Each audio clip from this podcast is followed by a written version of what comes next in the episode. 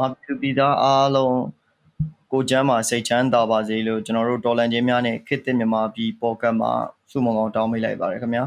ကျွန်တော်တို့တော်လန်ချင်းများနဲ့ခေတ်သစ်မြန်မာပြည်ပေါ်ကတ်ကမြန်မာနိုင်ငံရဲ့တော်လန်ချင်းအမျိုးမျိုးနဲ့ပတ်သက်တဲ့အကြောင်းအရာတွေလက်ရှိຫນွေဦးတော်လန်ရေးမှာထက်တဲ့ဝင်ဝင်ပါဝင်နေတဲ့သူတွေရဲ့အခြေအနေတွေစိတ်ဝင်စားဖွယ်တွေကိုမေးခွန်းထုတ်ပြောပြပေးသွားမှာမို့ပုံမှန်စောင့်မျှော်နားဆင်ပေးဖို့မျှော်လင့်ပါတယ်ဒီနေ့မှာ ကျွန်တော်ဖိတ်ခေါ်ထားတဲ့သူကတော့နေပညာတက္ကသိုလ်မော်ဘီကမတ်နော်စုမြတ်ဦးပဲဖြစ်ပါတယ်မတ်နော်စုမြတ်ဦးကဆိုရင်ကျွန်တော်တို့တော်လိုင်းရေးအတွက်အနာဂတ်တွေအိမ်တွေခြံတွေပိုင်ဆိုင်မှုတွေမိသားစုတွေကိုပါဗျာရင်းနှီးမြှုပ်နှံပြီးတော့တကယ်ထဲထဲဝင်ဝင်ပါဝင်နေတဲ့လူတော်လန်ရေးတွေ့ကောင်းတွေတဲကတယောက်ဖြစ်ပါတယ်ဒါကြောင့်သူမဟိုကျွန်တော်တို့ကဘာလို့အဲ့လိုရွေးချယ်ခဲ့တာလဲပြီးတော့ မြို့တော်လိုင်းရေးအတွက်သူမဘာတွေလုပ်ခဲ့တာလဲဆိုတာကိုကျွန်တော်တို့နားထောင်တဲ့သူတွေရောကျွန်တော်တို့ရောအားလုံးဒါဘူးတူတာရအောင်ပြီးရင်ကျွန်တော်တို့စဉ်းစားစရာတွေတွေးခေါ်စရာတွေဆုံးဖြတ်စရာတွေရတော့အောင်ကျွန်တော်တို့မေးမြန်းတော့မှာဖြစ်ပါတယ်ကျွန်တော်အနေနဲ့တောင်းပန်ချင်တာကတော့ကျွန်တော်တို့ focus လုပ်တဲ့နေရာက highway land နဲ့အနည်းငယ်နီးရဗျာဒါကြောင့်ကားသံတွေဆိုင်ငယ်သံတွေပါလာတာတို့ဆိုလို့ရှင်တော့နားလည်ပေးဖို့အတွက်ကျွန်တော်အစားခဲ့ရတောင်းပန်ပါရစေခင်ဗျာ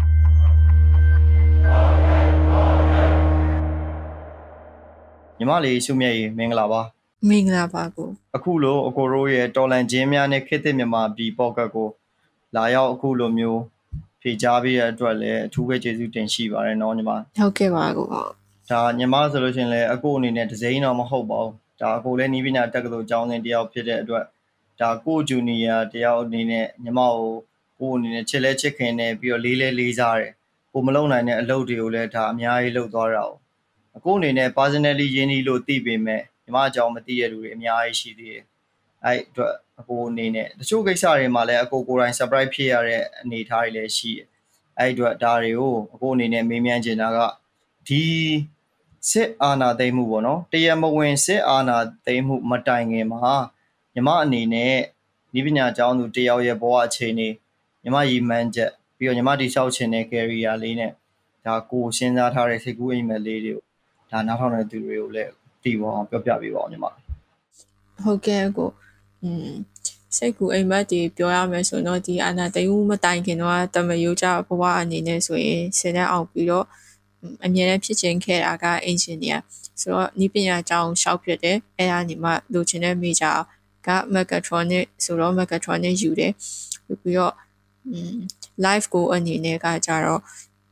automobile engineer တယောက်ဖြစ်ချင်တာပေါ့ အဲအတွက်စူးစမ်းဖို့အတွက်ဤပညာကျောင်းတက်တဲ့တက်တဲ့နေရာမှာ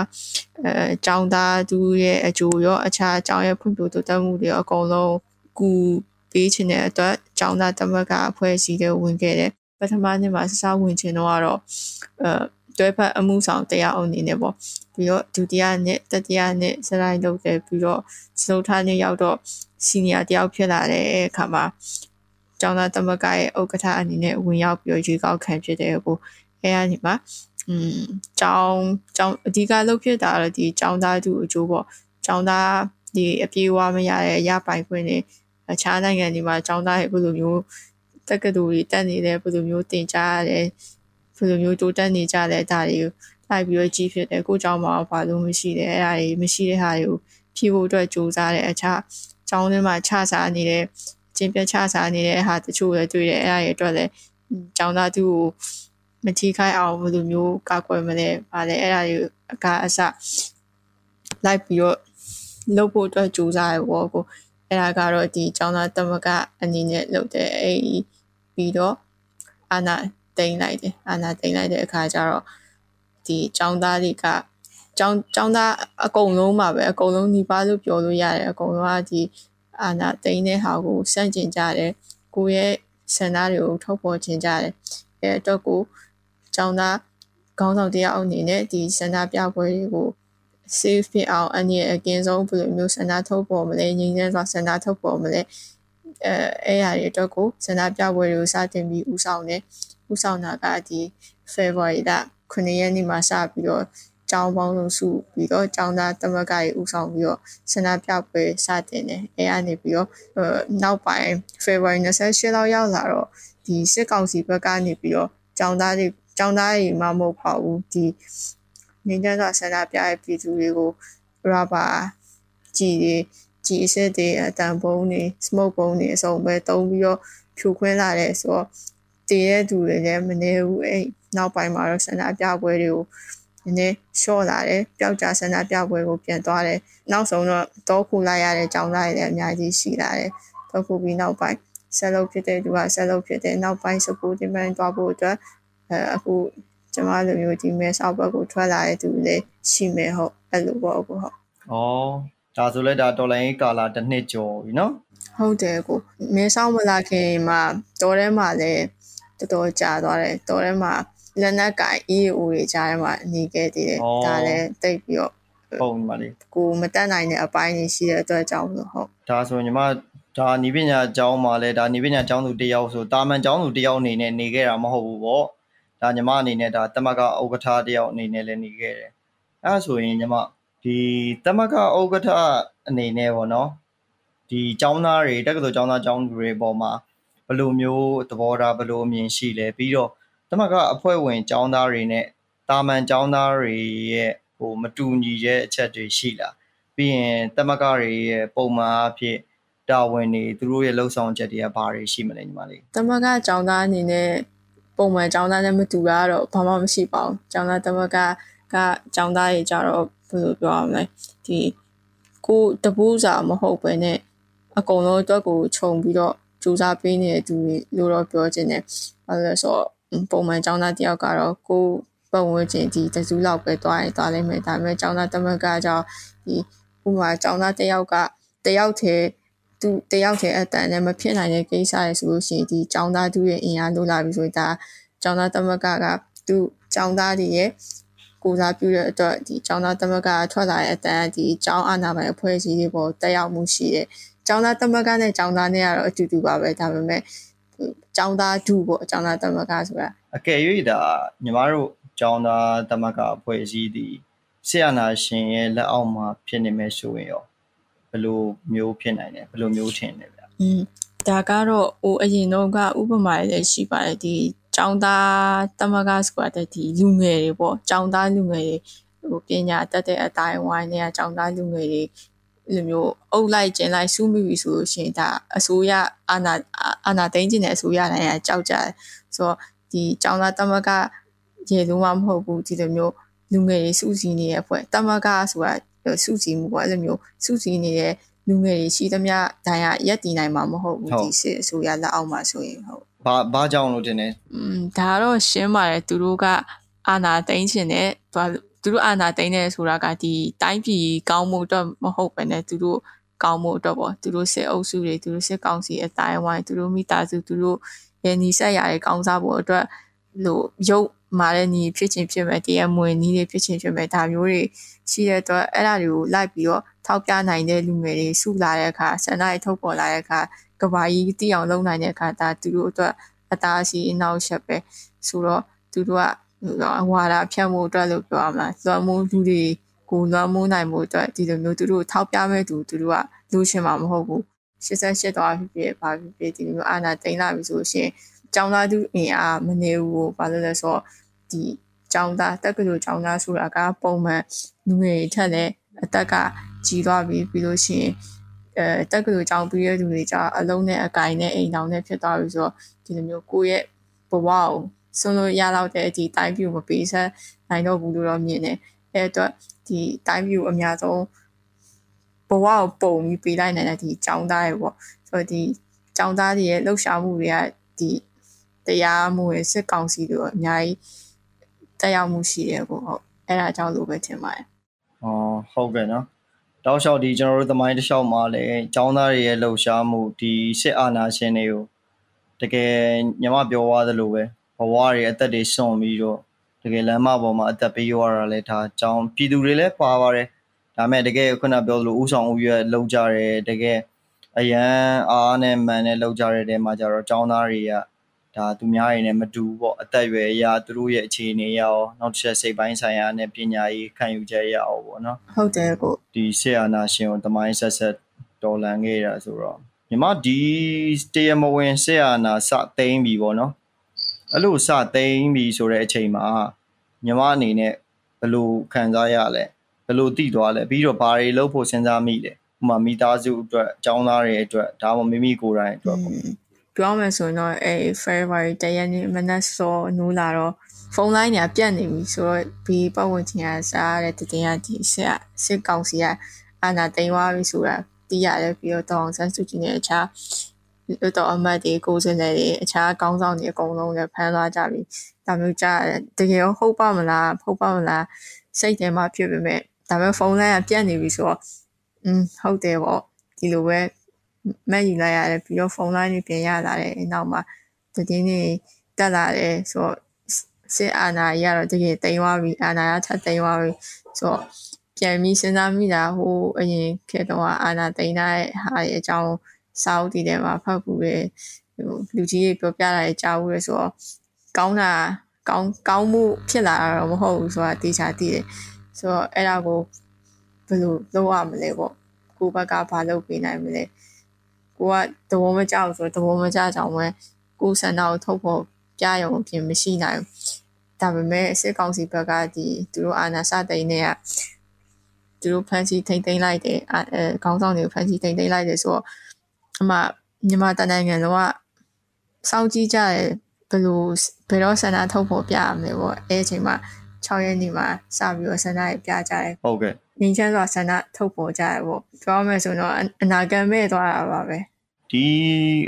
စစ်ကောင်စီကဒီမြန်မာနိုင်ငံကိုဆရာနာသိမ်းတော့မယ်ဆိုပြီးတော့ပြီးတော့သူတို့ကြီးညာချက်တွေပါထုတ်တယ်ပေါ့နော်ကြီးညာချက်တွေပါထုတ်တဲ့အချိန်မှာဥပမာဒါမဲစရင်မှားယွင်းမှုကို မစီစဉ်ပေးလို့ပေါ့နော်စီစဉ်ဆောင်ရွက်မှုမပေးလို့အပြေမထုတ်ပေးလို့အစာရှိရဲ့အချက်တွေပေါ့နော်ဟုတ်ကဲ့တခြားခြားသောအချက်ပေါင်းစုံအနေနဲ့အဲ့လိုမျိုးအချက်တွေပေါ်မှာရောသူတို့ရဲ့အကြောင်းပြချက်တွေပေါ်မှာရောဘယ်လိုမြင်လဲညီမလေးဒီကိစ္စကိုတော့သူတို့ကအဲ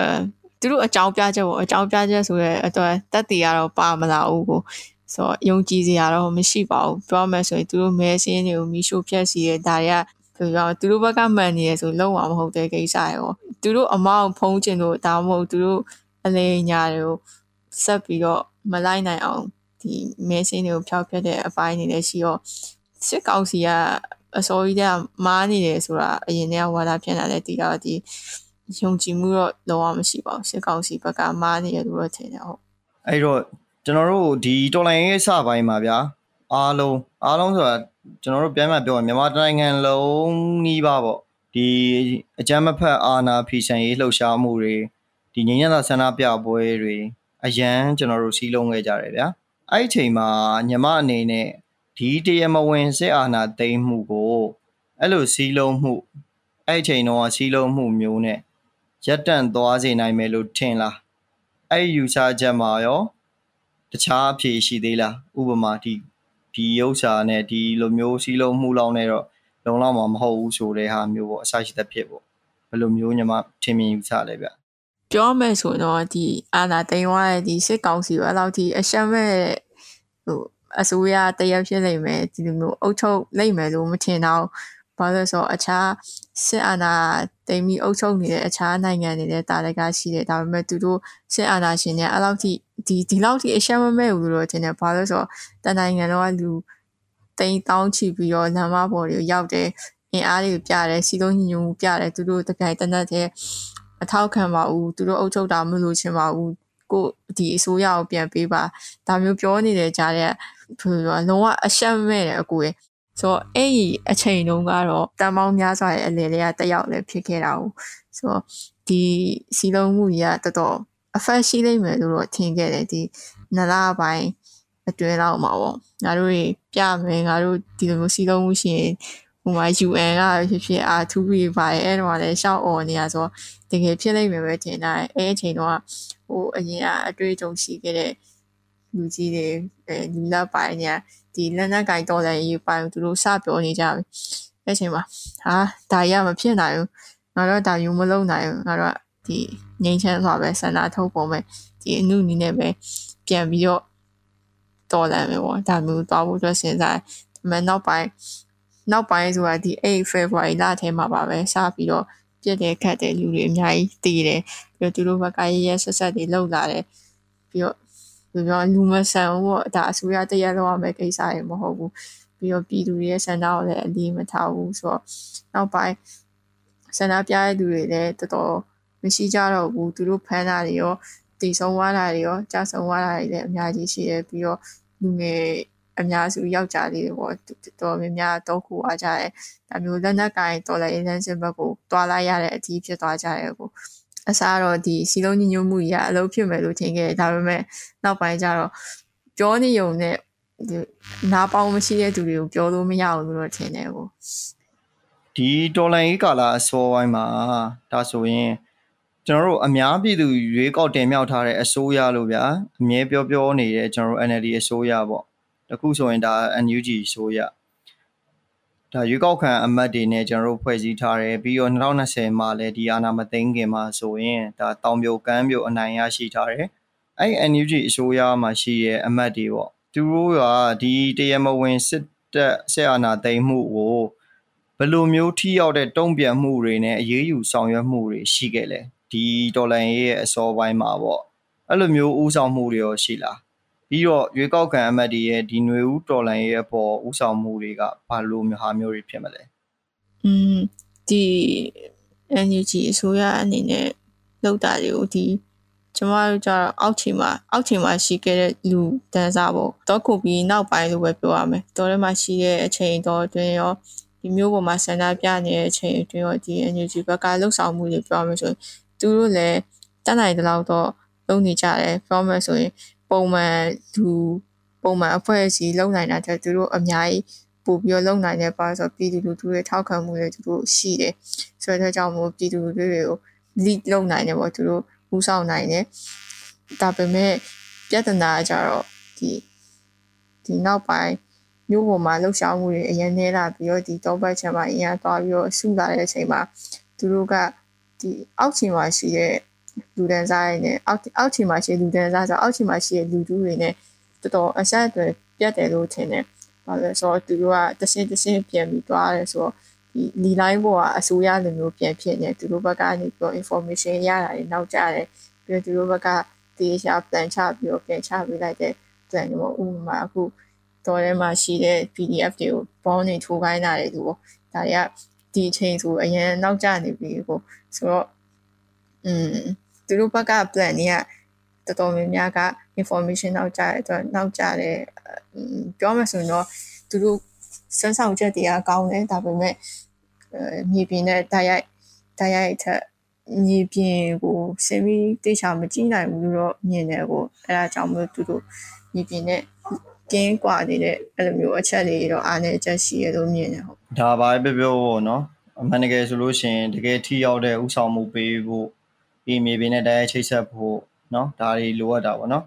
လက်ရှိမှာသူတို့လုပ်နေတဲ့ဟာတွေကဘာပဲပြောဟိုကောင်းတယ်ထိရောက်တယ်တိုးပေမဲ့အချိန်နောက်ကျလို့မရဘူးအခုဟာအရန်နောက်ကျနေတဲ့အနေအထားဖြစ်နေရဆိုတဲ့ပုံစံပေါ့နော်ဟုတ်တယ်ကိုဟုတ်ဒီ NUG အစိုးရနဲ့ရခိုင် NLD အစိုးရရဲ့ပြောင်းလဲမှုတွေခြားနားမှုတွေဘယ်လိုသတိထားမိလဲညီမလေးอืม NUG နဲ့ NLD ကိုတော့နိုင်ရှင်မှုစိတ်မကူခဲ့ဘူးဘာလို့လဲဆိုတော့မတူဘူးလို့တော့ထင်တာပဲတက်တက်စီပဲလို့ထင်တယ်သူတို့ခေါင်းဆောင်ပိုင်းတွေတော်တော်များများလဲတူတာမျိုးမရှိတော့ဘူးပြောမယ်ဆို NLD အစိုးရကဒီအာဏာသိမ်းမှုစတဲ့တော်တော်များများကဖန်စီတိတ်တိတ်ခံရတယ်ပြီးတော့အဲထွက်ပြေးလို့မြောက်လာတဲ့အမတ်တချို့ရှိတယ်ဒါပေမဲ့အဲကျွန်မလည်းအခုမဲဆောက်မှာရှိနေရပဲပြောမယ်ဆိုဒီအမတ်တော်တော်များများ NLD ကအမတ်တွေပေါ့ဒီလူကြီးပိုင်းနေ လူကြီးပိုင်းအမတ်တွေတော်တော်များများဒီ NUG ထဲမှာဟိုထက်တဲ့ဝင်ဝင်ဝင်ပြီးတော့လှုပ်ဆောင်ပေးနေတာမျိုးတော့မရှိတိတ်မရှိဘူးလို့ထင်တယ်ကျွန်မမြင်တော့ပေါ့ဒါပေမဲ့ရှိကောင်းလည်းရှိနိုင်တယ်ဒါပေမဲ့တကယ်တမ်းစိတ်သက်တက်ကြွပြီးတော့လုပ်နေတာကနောက်ပိုင်းဒီ NUG ကပြန်လဲဖွဲ့စည်းလိုက်တဲ့ဟိုပြောမယ်ရှင်းပြရဲဆိုရပုံစံမျိုးပဲပြောရမလားသူက NLD ကိုကိုစားပြုတာမျိုးတော့မဟုတ်တော့ဘူးကိုနိုင်ရှင်လို့တော့မတက်ပါဘူးဟုတ် ဒါဆိုညီမလေးပြောတဲ့ပုံစံဆိုလို့ရှိရင်အခုက NUD ရှိုးရကအကယ်၍အကယ်၍ဗျာကျွန်တော်တို့ဒေါ်လာဟေးမှာအောင်မြင်သွားပြီဆိုလို့ရှိရင်ဒီအစိုးရနှစ်ရက်ဖြစ်သွားမယ့်ပုံစံမျိုးညီမလေးဆိုလိုတာလားဟုတ်အဲ့လိုမျိုးဖြစ်သွားမယ်ထင်တယ်ပြီးတော့တေးချတာကဒီ NUG ဆိုတာကလူငယ်ကြားထဲမှာလက်ခံတာသူကဒီတော်လဲတော်လန်ရေးကာလတင်မှာဥဆောင်ပေးနေတဲ့အစိုးရပေါ့အဲ့အဲ့လိုပဲမြင်ပါတယ်ဒါပေမဲ့တော်လည်းပြီးတဲ့နောက်မှာတော့သူတို့ လူကြီးပိုင်းတွေရဲ့အခြားဒီတနိုင်ငံလုံးကဟုတ်ကဲ့နိုင်ငံသူနိုင်ငံသားတွေရဲ့ဆန္ဒအလျောက်အစိုးရတရက်ပြန်ပြီးတော့ဖွဲ့စည်းနိုင်မယ်တို့တော့မျှော်နေပါတယ်ဒီမဆုမြတ်အနေနဲ့ဒီမျိုးသားညီညွတ်ရေးဆိုရပါဗျာ National Unity Government NUG ဆိုရအပေါ်မှာဘယ်လိုမျိုးသဘောထားလဲအနည်းချုပ်အနေနဲ့ပြောမယ်ဆိုလို့ရှိရင်ဒီ NUG အစိုးရနဲ့ကကျွန်မလည်းမြေပြင်ကလူတူဖြစ်တဲ့အတွက်တာရအချိန်ဆက်တော့မရှိပါဘူးဆိုတဲ့အတွက်ကြောင့်မို့ ပြီးတော့ဘယ်လိုမြင်လဲဆိုတော့တချို့အဲအားမလို့အားမရဖြစ်တာလေးရှိတယ်တချို့ဟာလေဆိုရင်နောက်ကျနေတယ်ဆိုပေမဲ့သူတို့အကောင်းဆုံးလှုပ်ဆောင်နေရတော့တွေ့ရတယ်ဆိုတော့ညီပြင်းနဲ့ပို့ပြီးတော့ချိန်ဆက်မှုရှိလာခဲ့မယ်ဆိုလို့ရှိရင်သူတို့လှုပ်ဆောင်မှုတွေကပို့ပြီးတော့အချိန်နဲ့တပြေးညီပို့ပြီးတော့ထိရောက်မှုရှိလာမယ်လို့ထင်ပါတယ်ဒီတော်လှန်ရေးတော့ပေါ့ဟောဟုတ်ကဲ့ခင်ဗျအခုမဆုမြတ်ပြောမှာမဆုမြတ်ရဲ့အချိန်ဒီဘက်ကိုပြန်သွားရအောင် ညီမလေးအနေနဲ့ဒီ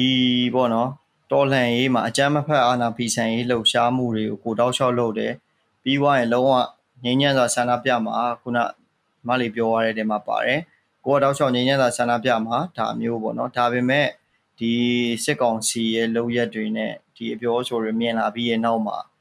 ဒါညီမလက်နက်ကင်တော်လန်ရေးကိုပြောင်းလဲရွေးချယ်ခဲ့တယ်လို့မြင်တယ်နော်ဟုတ်ကဲ့အဲ့ညီမဒီလက်နက်ကင်တော်လန်ရေးအပေါ် ရည်ရွယ်ချက်အရေးမှန်းချက်ဘယ်လောက်ထိခံယူထားလဲပြီးတော့သူ့ရဲ့ထိရောက်မှုကဘယ်လိုမျိုးနားလဲထားလဲဗျอืมဒီဘယ်လိုပြောမလဲဒီလက်နက်ကင်တော်လန်ရေးဆိုပြီးတော့စပြီးတော့စဉ်းစားလိုက်တဲ့အချိန်မှာဘယ်လိုမျိုးတွေးရှိလဲဆိုတော့ဒီစစ်ကောင်စီပေါ့ဒီစစ်အစိုးရကပါစံနဲ့ပြောလို့မရအောင်ဒီလူတွေကဘယ်လိုမှတောင်းဆိုလို့လည်းမရအောင်ဘယ်လိုမှသူတို့လုပ်ချင်တာကိုသူတို့ဆက်သွားမယ်ပုံစံမျိုးဆိုတော့ဒီလူတွေကမရှိတဲ့လူတွေဒီလူတွေ ဒီစစ်အစိုးရစစ်သားတွေဒီစစ်ကောင်စီလက်အောက်ခံတွေကလက်နက်ကင်တော်လန်ဆိုတဲ့သူတို့သူတို့မရှိတော့အောင်ရှင်းပြချင်တဲ့စိတ်မျိုးပဲရှိခဲ့သူပြောမှဒီစစ်ကောင်စီကိုအရန်မုံပြီးတော့ဒါမျိုးသွားလာဆိုမှဒီလက်နက်ကင်တော်လန်ကြီးကအစောပိုင်းမှာဘယ်လိုမျိုးဒီစိတ်ကူရင်ခဲ့လဲဆိုတော့ဒီရှေ့တန်းနေမှာပေါ့ဒီစစ်သားရဲ့စစ်ကောင်စီဘက်ကစစ်ကူတွေဒီဒီလူတွေကို ရှင်းမယ်ရှင်းပြီးသူတို့အင်အားနည်းလာမယ်အင်အားနည်းလာရင်နောက်ပိုင်းပြောမယ်သူတို့ရဲ့တောက်တိုင်ကြီးကိုဖြိုပြမယ် CDM တွေလုပ်မယ်ပြီးလို့ရှိရင်အခြားဘော social punishment တွေအားစားအခြားအမျိုးမျိုးကိုတက်နိုင်တဲ့ဘက်ကနေကိုသွားမယ်ပြီးလို့ရှိရင်ဒီလက်နက်ကင်တော်လည်းရေးဘက်မှာလည်းဒီရှေ့တဲ့ဘက်တွေမှာဟိုစစ်သားတွေစစ်ကောင်စီဘက်ကစစ်ခွေတွေအကုန်လုံးကိုပြောစိတ်လိုမျိုးတွေတက်မယ်ဒါမျိုးတွေကမလုံနိုင်ဘူးလားဆိုတော့လုံလုံနိုင်နေတယ်အခုလည်းလုံနိုင်နေကြတယ်ရှေ့တဲ့နေမှာဆိုလို့ရှိရင် အဲသူတို့စစ်ကောင်စီဘက်ကအယောက်400လောက်တက်လာတယ်အယောက်30လောက်ပဲအသက်ရှင်တဲ့အတွက်သူတို့အညံ့ခံလိုက်ရတယ်ပြီးလို့ရှိရင်စကန်တွေဆွန့်ခွာသွားကြတယ်ဒါမျိုးတွေအများကြီးရှိတယ် PDF တွေဘက်ကအများကြီးအားတောင်းမှုရှိတယ်ဒါပေမဲ့ PDF တိုင်းကစစ်တိုက်ခွင့်မရှိနေဘူးအဲ့ဒါကတကယ်ပဲဘာလို့ဆိုတော့ထဲမှာသွားတယ်သူတို့အသက်တွေဘဝတွေကိုစွန့်ထားတယ်စစ်တိုက်ခြင်းလို့တနက်တခိုင်ခိုင်ဖြစ်နေတဲ့အချိန်တောင်မှသူတို့မှာစစ်တိုက်ခွင့်မရှိတဲ့ PDF တွေအများကြီးရှိနေတယ်သူတို့မှာကျွန်တော်တို့တိုက်ရှင်နေပြီးနေရာလဲရွှေ့မယ်ရှေ့တန်းထွက်ရတဲ့နေရာဟိုကောင်းလို့ဖြိုးရမယ့်နေရာမျိုးသွားချင်နေပြီဒါပေမဲ့တချို့တချို့တချို့ပေါ့ဒီဘယ်လိုမလဲ EAO နေမြေတချို့နေမြေတွေပေါ့သူတို့တွေက PDF တွေကိုသူတို့ခိုင်းတာလို့သူတို့ချွေတာစားပုံစံမျိုးထားတဲ့နေမြေမျိုးတွေကိုကြုံခဲ့ရတယ်ပြီးလို့ရှိရင်ဟိုသူတို့နေမြေအတွင်းမှာဆက်လုံးဝမဖြစ်အောင်အမြဲတမ်းညှိနှိုင်းမဲ့ဖန်တီးမဲ့ဆိုတော့ တက်ရင်တချို့ကိုလည်းမြင်ခဲ့ရတယ်ဆိုတော့လက်နက်ကင်တော်လည်းရေးကနောက်ပိုင်းမှာအာရုံသွားတယ်ဆိုပေမဲ့တချို့အင်အားထွက်တဲ့လောက်မထွက်လာဘူးပေါ့အဲအဲ့ဒါကိုတော့အားမလို့အားမရဖြစ်ပြီးဒါပေမဲ့တကယ်တမ်း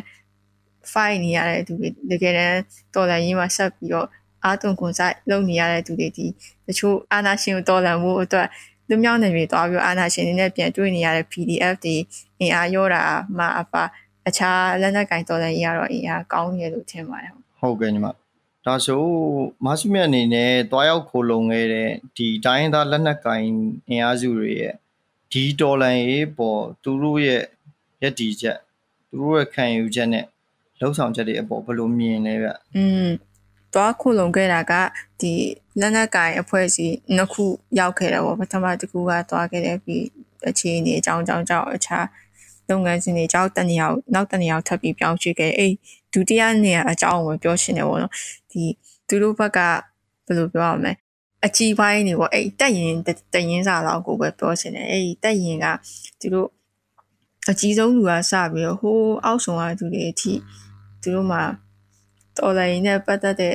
ဟိုခံယူချက်တွေမရှိဘူးလို့ထင်တယ်ဘာလို့လဲဆိုတော့ဒီတော်လိုင်းရေးကိုခုတော့လုပ်ပြီးတော့သူတို့ဘယ်လိုကြီးပွားအောင်လုပ်မလဲ ဘယ်လိုစီးပွားရှာမလဲဒါမျိုးပိုင်းကိုတွားနေလို့ထင်တယ်ပြီးတော့ဒီတော်လိုင်းရေးလာလုပ်တဲ့ခိုးလုံတွေရှိတယ် PDF တွေရှိတယ်သူတို့တွေကိုလည်းအခုနပြောသလိုပဲငါတို့ကြွေးတာစားငါတို့နေခိုင်းတဲ့နေရာမှာနေငါတို့ပြောသလိုနေ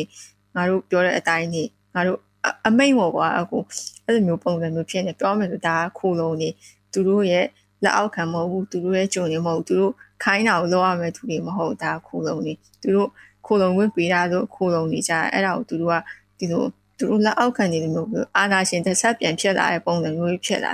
ဆိုတော့ပြောမှဆိုအဲ့ဒီနေမြေမှာရှိတဲ့ခိုးလုံတော်တော်များများကဒီနေမြေကနေလွတ်မြောက်ဖို့ပြန်ပြီးတော့စူးစမ်းနေရတယ်ပြောမှဆိုရင်လွတ်မြောက်နေမြေမှာလွတ်မြောက်ခြင်းဆိုပြီးတော့ဖြစ်လာကြတယ်တချို့ဆိုလို့ရှိရင်လုံးဝမခံနိုင်တော့တဲ့ဆုံးဒီဒီဘက်မဲဆောက်ဘက်ကိုထွက်လာရတယ်ဘာလို့လဲဆိုတော့နေရက်လည်းပြန်လို့မရဘူးအိမ်နေလည်းမရှိကြတော့ဘူးပြန်လို့ရှိရင်ဖမ်းကြမယ်ဆိုတဲ့သူတွေဖြစ်တဲ့အကြောင်းသူတို့ရဲ့ နောက်ဆုံးအဲပန်းနိုင်ရဒီမဲဆောက်ဘက်ကိုဖြစ်လာတယ်သူတို့ပြန်ပြီးတော့ထွက်ပြေးလာရတယ်ထွက်ပြေးလာတော့အဲ့နေမြေမှာဆိုလို့ရှိရင်တရားဝင်လို့ပြောမယ်ကျွန်တော်တို့ထွက်ချင်ပါပြီကျွန်တော်တို့မခံနိုင်တော့ပါဘူးအရှုံးပေးပြီးတော့ပြန်လာတော့မယ်ဆိုပြီးပြောတာတော့မှပြန်ခွင့်မပေးဘူးပါလဲဆိုတော့သူတို့စီမှာအဲ့ခိုးလုံးနေရှိနေတဲ့ဒီလူငယ်စကြွားလောက်ရှာသူတွေ PDF တွေရှိနေတဲ့သူကသူတို့အကျိုးစီးပွားရှိနေတယ် ပြောရမယ်ဆိုရင်ကျွန်မဆိုလို့ရှိရင်ဒီလွမြောက်နေမြေကနေပြီးတော့ထွက်လာတာအခုဆိုလို့ရှိရင်3လနဲ့4လကြာထဲမှာရှိနေပြီဒါပေမဲ့အခုချိန်ထိကိုယ်နာမည်နဲ့ဒီခိုးလုံးတွေအတွက်ဆိုပြီးတော့ရိတ်ခါစရင်တင်နေတာခံနေရတော့မယ်တလောက်6000 6000လုံးနဲ့ကိုယ်နာမည်နဲ့သူတို့လှုပ်ရှားတာကိုတိတိနဲ့ခံနေရတဲ့အခြေအနေမျိုးရှိတယ်ဆိုတော့ဒါမြောက်ပြဆန်တောင်းပါပဲဆိုတော့ပြောမယ်အကုန်လုံးတော့ဆိုလို့ဒါမဲ့ တချို့တချို့တော့ EAO တွေကတချို့တချို့တော့အုပ်စုလေးတွေကတော့ဒါဒါမျိုးလေးရှိတယ်ဟုတ်ဟုတ်မတိုင်းပြောရင်ဟိုညီမပြောတာကိုနားထောင်ပြီးတော့ကျွန်တော်တော့စိတ်မကောင်းဖြစ်တယ်။ဘာကြောင့်လဲဆိုတော့ဒီချိန်မှာကျွန်တော်တို့သိရတဲ့အတိုင်းပဲဗျာပြည်သူမှပြည်သူတို့ပဲဖြစ်နေရဒီຫນွေဦးတော်လန်ရဲ့အတွက်လည်းကျွန်တော်တို့ပြည်သူတွေကပဲအကုန်လုံးဝိုင်းဝန်းပြီးတော့ဒီလိုပဲပံ့ပိုးကြတာပဲပေါ့ဥမာရှေ့ထွက်နိုင်တဲ့သူကလည်းရှေ့ထွက် မထွက်နိုင်တဲ့သူကနောက်မှကြံပြီးတော့ရှေ့ရလူတွေပံ့ပိုးဒါကျွန်တော်တို့ဟိုးຫນွေဥတော်လိုင်းရဲ့အစားအနေစားပြီးတော့အခုလက်ရှိချိန်ထိဒီလိုပဲသွားနေကြတာဆိုတော့တကယ်မြေပြင်မှာဘာပဲပြောပြောတရင်တရင်စာတက်စုတစုစာမပြောပါနဲ့ကျွန်တော်တို့လူတဦးတယောက်တောင်ဒီလိုကိစ္စမျိုးနဲ့တွေ့ကြုံရတာမျိုးဆိုလို့ရှိရင်အင်မတန်ခံရခက်မှာပါဟိုတကယ်မျောလင်းချက်ကြီးနဲ့ရောက်လာတာပေါ့ခုနမက်ဆီမက်ပြောရတဲ့နေရာမှာပါပါတယ် တကယ်စစ်တိုက်မယ်တကယ်အသက်တွေစွန့်မယ်ရင်းမယ်တကယ်လုပ်မယ်ဆိုပြီးတော့လာတဲ့အချိန်မှာဒီလိုမျိုးတွေနဲ့တွေ့ကြုံရတဲ့အခါသူတို့ရဲ့စိတ်ဓာတ်တွေရိုက်ချိုးသလိုပဲဖြစ်မှာပဲเนาะဟုတ်တာပေါ့ကိုသိချာတော့မဆုမြတ်အနေနဲ့အဲ့လိုမျိုးအတွေ့အကြုံတွေကိုเนาะဒါကိုယ်တိုင်ကြုံတွေ့ခဲ့ရတဲ့အတွက်သူတို့အတွက်ကောဘယ်လိုမျိုးစဉ်းစားထားလဲဒီလိုလူမျိုးတွေအတွက်ကျွန်တော်တို့ဒါတော်လိုင်းရေးအောင်မြင်သွားမယ်ဆိုလို့ရှိရင်ပေါ့ညီမကဒါ ကျောင်းမှာဆိုလဲတာမန်ကျောင်းသူတယောက်လို့မဟုတ်ဘဲနဲ့တမကဩကထလိုမျိုးရက်တည်ခဲ့တယ်ဒါညီမဆိုရင်လည်းအကိုအနေနဲ့ personally ယဉ်နေထားတယ်မိသားစုမှာဆိုလဲဒါဘာပဲပြောအဆဆရရဦးစီးဦးဆောင်လုပ်တတ်တဲ့မျိုးသမီးတယောက်ဒါမျိုးဆိုတော့ညီမအနေနဲ့အဲ့လိုမျိုးအခွင့်အရေးသမားတွေကိုဘယ်လိုမျိုးကိုအရေးယူနိုင်ဖို့စီစဉ်ထားလဲသို့မဟုတ်အဲ့လိုမျိုးရေးယူနိုင်မဲ့အဖွဲ့အစည်းတစ်ခုခုကိုအကြောင်းကြားတာမျိုးပါမျိုးအဲ့လိုမျိုးအစီအစဉ်ရှိလား ပြောမယ်ဆိုရင်ဒီတကူတဲ့အနေနဲ့ကတော့ဒီလူတွေနဲ့ပတ်သက်သမျှဒီခေတ်ကောင်းကောင်းမကောင်းကောင်းဒီလိုမျိုးတပူရဲကြီးတဲ့သူတွေဒီလိုမျိုးသူများဒုက္ခရောက်နေတော့လှုပ်ရှားသွားတဲ့သူတွေကသူကခေတ်ကောင်းကောင်းမကောင်းကောင်း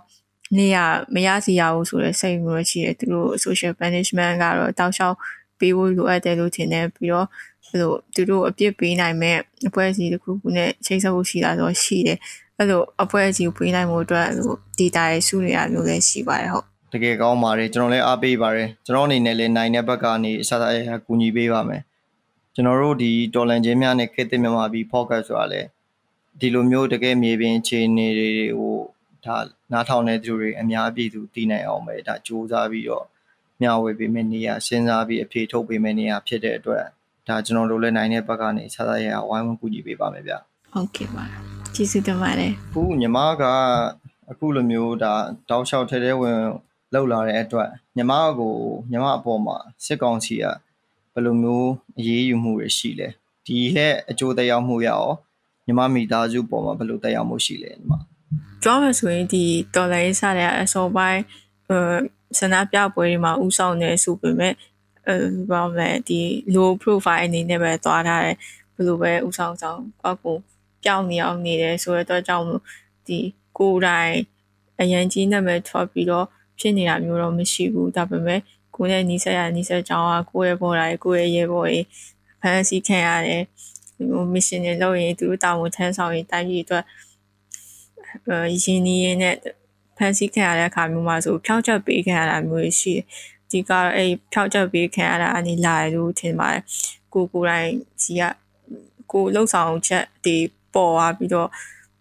တည်ရပါတဲ့ကိုရဲ့လုပ်ပေါ်ကောင်ဆောင်ပတ်တွေစီကနေပြီးတော့ဖြောက်ချက်ပေးခံရပြီးတော့အဲ့ဒီတစင်ဘယ်လိုဖြစ်လာလဲဆိုတော့ဒီဒီ3လပိုင်းထဲမှာပေါ့ပြီးခဲ့တဲ့လတော့2ရက်နေ့တုန်းက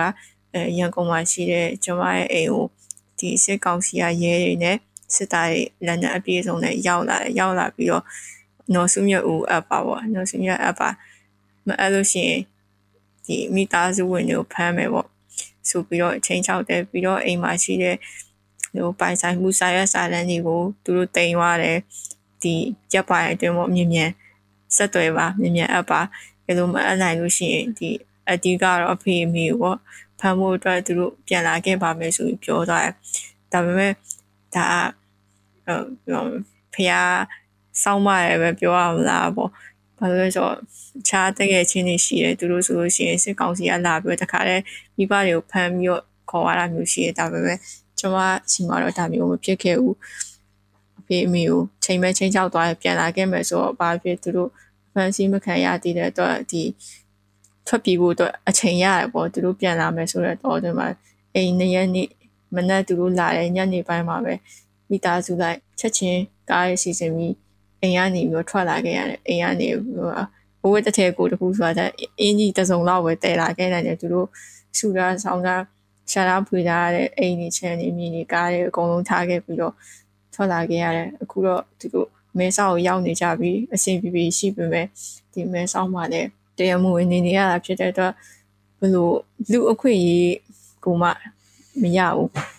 ပြောရမယ်ဆိုလို့ရှိရင်အပြင်တော့မှစိတ်ဖြောက်ဖြောက်နဲ့ ထွက်နိုင်တဲ့အနေအထားမျိုးတွေမဟုတ်ဘူးဒီအပိုင်းကဒီထိုင်းဘက်ကရဲရတဲ့ဒီဘက်ကို refugee တွေကိုတာဖမ်းနေရမျိုးရှိတယ်ငွေညင်းနေရတဲ့မျိုးရှိတော့ဘာမဆိုအိမ်ထဲမှာပဲပုံနေရတဲ့အနေအထားမျိုးပေါ့ပြီးတော့တရားမဝင်နေတဲ့အတွက်လောက်ကင်စားတောက်ဖို့အတွက်ဒီတော့ခြားခြားကိစ္စအများကြီးတော့တော်တော်အခက်အခဲဖြစ်ပါတယ်ဒီအတွက်လည်း UNHCR ကို refugee ရှောက်တယ်ဒါပေမဲ့စောင်းတော့စောင်းရအောင်ပဲပေါ့ဘာလို့ဆို ကိုလိုပဲ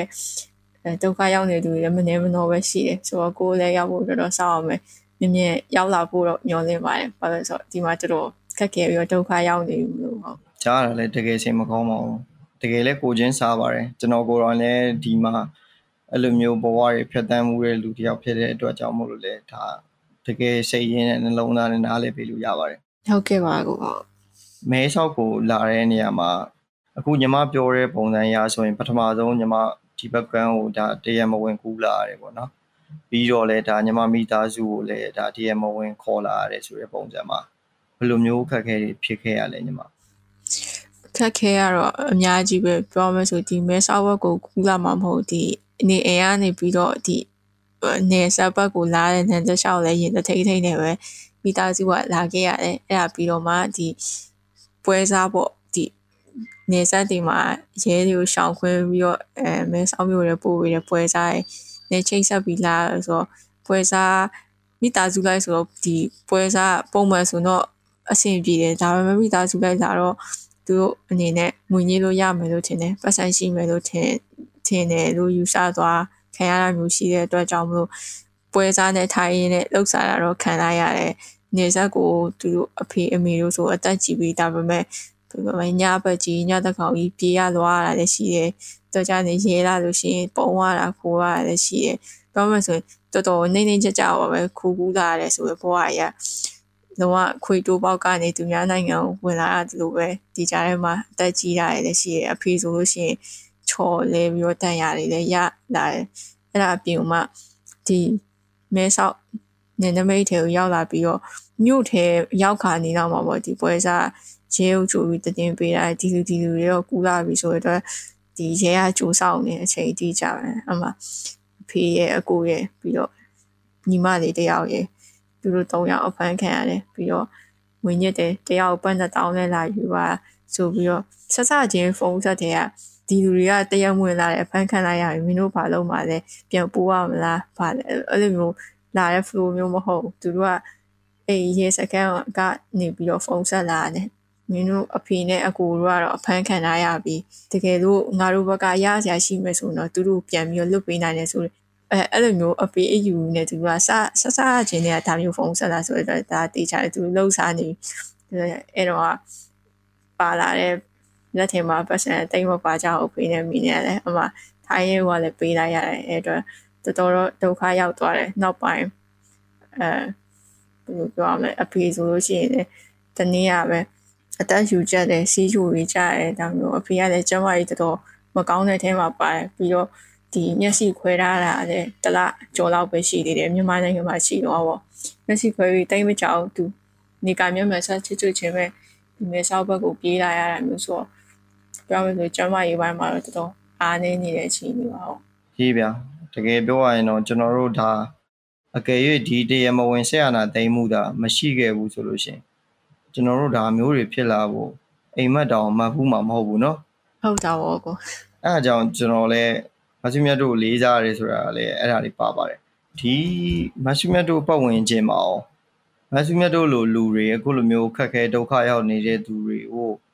တတ်တတ်မှတ်မှတ်ကူညီပေးနေတဲ့အဖွဲ့အစည်းတွေရောရှိလာတယ်မှာပြီးတော့ဒီ NUG ဆိုရအနေနဲ့ရောအဲ့လိုမျိုးချိတ်ဆက်ကူညီပေးနေတာမျိုးရောရှိလာဗျอืมဟုတ် NUG အစိုးရအနေနဲ့ကူညီပေးနေတဲ့သူတွေတော့ရှိတယ်ကြားလဲကြားမိတယ်ဒီမဲဆောက်ပေါ်မှာပေါ့ဒါပေမဲ့ပြောမယ်အရင်တော့ကလွတ်တော်အမတ်တွေဥမာရဲ CDM တွေအဲအဲ့လိုမျိုးလူမျိုးတွေပဲသူတို့ကူညီပေးတာမျိုးတွေ့ရတယ်ဒီဂျီယိုဒီចောင်းသားလူငယ်တွေတက်ကြွလှူရှာသူတွေလူမိသားစုလိုက်ပြေးလာရတဲ့အဲ့လိုမျိုးဆက်နွယ်တဲ့သူတွေကိုကူညီပေးတဲ့သူကတော့အာရှိပေမဲ့မရှိတလောက်ပဲလို့ပြောရမယ်ဘာလို့လဲဆိုတော့သူတို့ ကူညီပေးနိုင်တဲ့အတိုင်းအတာတော့အရန်များနေမယ်လို့ထင်တယ်ဒီဘက်ချန်ကိုမြန်မာနိုင်ငံဘက်ကနေထွက်ပြေးပြီးတော့ထွက်ပြေးတိမ်းရှောင်ပြီးခိုးလုံနေရတဲ့သူကပြောရမယ်ဆိုရင်တောင်းကနန်းလောက်ရှိမလားမသိဘူး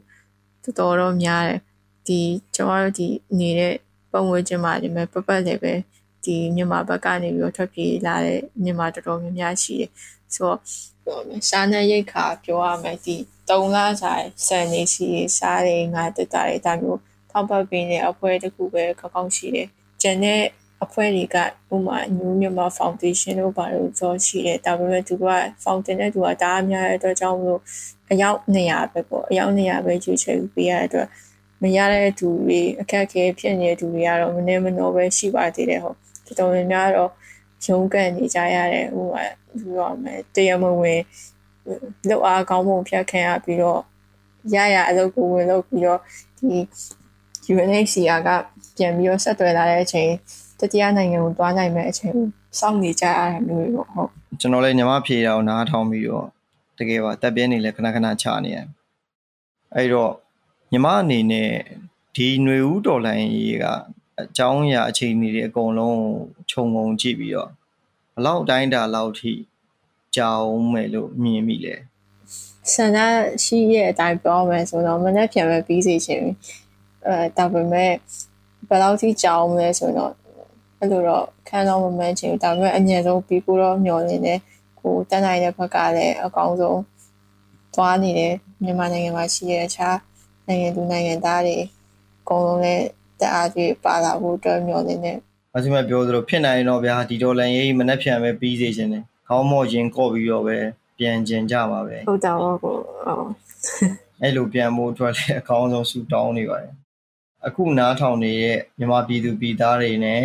မြို့တော်လိုင်းရေးမှာပါဝင်လှုပ်ရှားနေတဲ့သူတွေသူတို့ကိုဘာများပြောပြချင်တာရှိလဲဘာများတိုက်တွန်းချင်လဲဗျအကြံပေးချင်တာမျိုးတော့မဟုတ်ဒီအားပေးစကားပေါ့ကိုယ့်ရဲ့မြန်မာနိုင်ငံအမိမြန်မာနိုင်ငံကအခုဒီလိုမျိုးအခြေအနေဖြစ်နေရဆိုတဲ့အတွက်ကြောင့်မလို့ပြောရမယ်ဆိုရင်နိုင်ငံသားအားလုံးကကိုတက်နိုင်တဲ့လောက်ကိုတက်နိုင်တဲ့ဘက်ကနေပြီးတော့ဝိုင်းဝန်းတော်လှန်နေကြဖို့လိုတယ် ကိုအခုကြုံနေရတယ်ဥမာမြို့ထဲမှာခြံနေတဲ့သူတွေအခြေအနေမျိုးမျိုးကြောင့်ဟိုအနောက်ကနေနောက်တန်းကနေပဲစပို့ပေးပြီးတော့တော်လှန်နေရတဲ့သူတွေရှိမယ်သူတို့ဆိုလို့ရှိရင်လည်းအခုဆိုသူတို့မီးတွေပြတ်တယ်အဲရေတွေပြတ်တယ်စီတွေကြီးတက်တယ်အစရှိသဖြင့်ဒီ normal မဟုတ်တဲ့ live ဒီစစ်ကောင်စီဘက်ကပေးရတဲ့ဒီဒုက္ခရဲ့အကုန်လုံးရှင်တဲ့အသေးထဲမှာမှတ်ထားရမယ်ပြီးလို့ရှိရင် social punishment ပေါ့ကိုယ့်ရဲ့ပတ်ဝန်းကျင်မှာဒီစစ်ကောင်စီကိုထောက်ခံနေတဲ့သူတွေ သူတို့ဆက်လက်ပြီးတော့အသက်ရှူနေနိုင်မဲ့အပေါက်တွေပေးနေတဲ့သူတွေကို social punishment ပေးတဲ့လို့ထင်တယ်ဒီကိစ္စကိုတော့အာဆက်ဆက်လုပ်ကြဖို့အတွက်ပြောချင်တယ်ပြီးလို့ရှိရင်ခင်မကောင်းတဲ့အချိန်မှာလှုပ်ရှားနေကြတဲ့သူတွေပေါ့ပြောမယ်ဆိုရင်ဘယ်လိုလူမျိုးဖြစ်ဖြစ်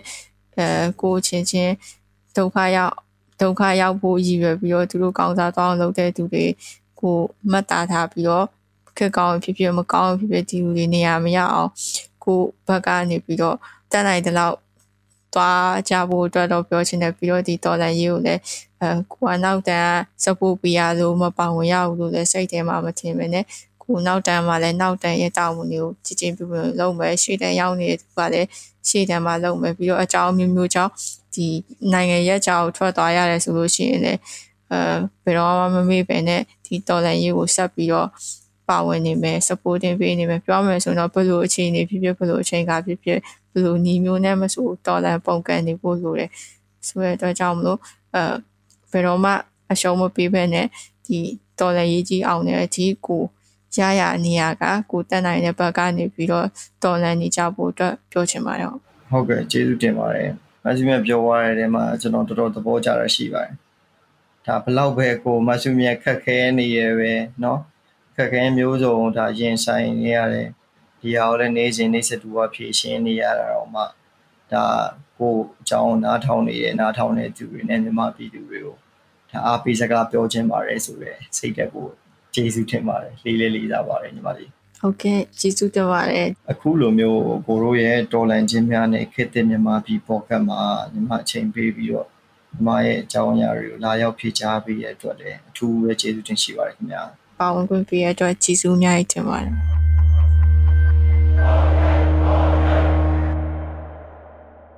ကျွန်တော်တို့ဒေါ်လာချင်းများနဲ့ခေတ်သစ်မြန်မာပြည်ပေါ်ကကိုအခုလုံးအစအဆုံးအချိန်ပေးပြီးတော့တေချာနားထောင်ပေးရတဲ့အတွက်ကျေးဇူးထူးတင်ရှိပါတယ်ခင်ဗျာကျွန်တော်တို့ကလည်းနောက်ထပ်နောက်ထပ်မှာရှေ့ဝင်စားပွဲအကြောင်းအရာတွေပြီးရင်ဘယ်လိုမျိုးလူမျိုးတွေကိုဆက်ပြီးတော့အင်တာဗျူးသွားမယ် focus လုပ်သွားမယ်ဆိုတာကိုဆက်လက်ပြီးစိတ်ဝင်စားနားထောင်ပေးဖို့လည်းကျွန်တော် request လုပ်ပါတယ် နားထောင်ပေးမယ်လို့လည်းယုံကြည်ပါတယ်ခင်ဗျာတကယ်မြေပြင်မှာဖြစ်နေတဲ့ကိစ္စတွေပြီးရင်တကယ်စ조사ရုံးကန်ထားတဲ့သူတွေရဲ့အခက်အခဲတွေကိုတကယ်နားလည်ပြီးတော့ဒီမြန်မာနွေဦးဒေါ်လန်ရေးနဲ့တခြားသောဒေါ်လန်ရေးပေါင်းများစွာကိုကိုဘလို့အောင်မြင်အောင်ဆက်ပြီးတော့စ조사သွားလို့ရမယ်ဆိုတဲ့အချက်လက်တွေကိုတေချာနားထောင်ပြီးတော့ဆုံးဖြတ်ချက်ချနိုင်မယ်ပြီးရင်ပို့ပြီးတော့အထီရောက်မဲ့အချက်တွေကိုလည်းပုံမြင်နိုင်မယ်လို့လည်းမျှော်လင့်ပါတယ်ခင်ဗျာအဲ့လိုမျိုးတကယ်ထီရောက်အောင်လည်းကျွန်တော်တို့ဘက်ကလည်းဆက်လက်အကောင်းဆုံးစ조사ပေးတော့မှာမို့လို့ ကျွန်တော်တို့ဒေါ်လန်ချင်းများနဲ့ခေတ်သစ်မြန်မာပြည်ပေါ့ကတ်ကိုလည်းနောက်လာမယ့် episode တွေမှာပုံမှန်နားထောင်ပေးသွားဖို့လည်းထောင်းဆိုပါရစေ ကျွန်တော်တို့ pocket တစ်ခုလောက်ရတာမလွယ်ဘူးအောင်ခင်ဗျာအစစရလူတွေလည်းပင်ပန်းဒီငွေကြေးပိုင်းဆိုင်ရာတွေလည်းကိုနိုင်တဲ့လောက် site ထုတ်ပြီးတော့အကောင်းဆုံးစူးစမ်းရတာပါအဲ့အတွက်ကျွန်တော်တို့ရဲ့ pocket တွေနောက်ထပ်အဆင်ပြေဆုံးလုပ်နိုင်ဖို့တွေအတွက်ကျွန်တော်တို့လူတန်းကျင်နေဆိုလို့ရှိရင်ကျွန်တော်တို့ဒေါ်လာချင်းများနဲ့ခေတ်သစ်မြန်မာပြည် pocket page ကနေပြီးတော့ဆက်သွယ်လူတန်းလို့ရပါတယ်။ကြည့်ရင်နားထောင်တဲ့သူတွေကနိုင်ငံခြားမှာဖြစ်နေတယ်ဆိုလို့ရှိရင်လည်းဒါ PayPal ကနေပြီးတော့လည်းဒါဆက်သွယ်လူတန်းလို့ရပါတယ်ခင်ဗျာ။ ပြီးတော့ကျွန်တော်တို့ Butter Burma page ကနေပြီးတော့ non profit organization ဒီ Facebook မှာရှိပါတယ်ခင်ဗျာ။အဲ့ရနေပြီးတော့လည်းကျွန်တော်တို့ဆက်သွယ်လှူဒါန်းနိုင်ပါတယ်။ email ပို့ခြင်းเนาะ email address ကတော့ info@betterburma.org ဖြစ်ပါတယ်ခင်ဗျာ။ info at b e t t e r b u r m a .org ဖြစ်ပါတယ်ခင်ဗျာအဓိကကတော့ကျွန်တော်တို့စီရီယံဝန်ထမ်းတွေ ပြီးရင်စပေးရှောင်းတွေနဲ့လက်ရှိမြန်မာနိုင်ငံမှာခက်ခဲဒုက္ခရောက်နေတဲ့သူတွေရဲ့လက်ထဲကိုအကောင်းဆုံးထိထိရရောက်ပံ့ပိုးနေတဲ့အဖွဲ့အစည်းတွေလည်းဖြစ်ပါတယ်ဒါကြောင့်ကျွန်တော်တို့လူရန်တဲ့နေရာမှာလူရန်တဲ့သူတွေရဲ့လူငွေတွေကလုံးဝအလေလွဲမရှိပဲနဲ့တကယ်လိုအပ်မဲ့နေရာတွေကိုထိထိရောက်ပံ့ပိုးပေးနေတဲ့သူတွေမို့လို့လဲဆက်သွယ်လူရန်နိုင်လို့ရကြောင်းသတင်းကောင်းပိုင်းနဲ့အားလုံးကိုကျေးဇူးတင်ရှိပါတယ်ခင်ဗျာ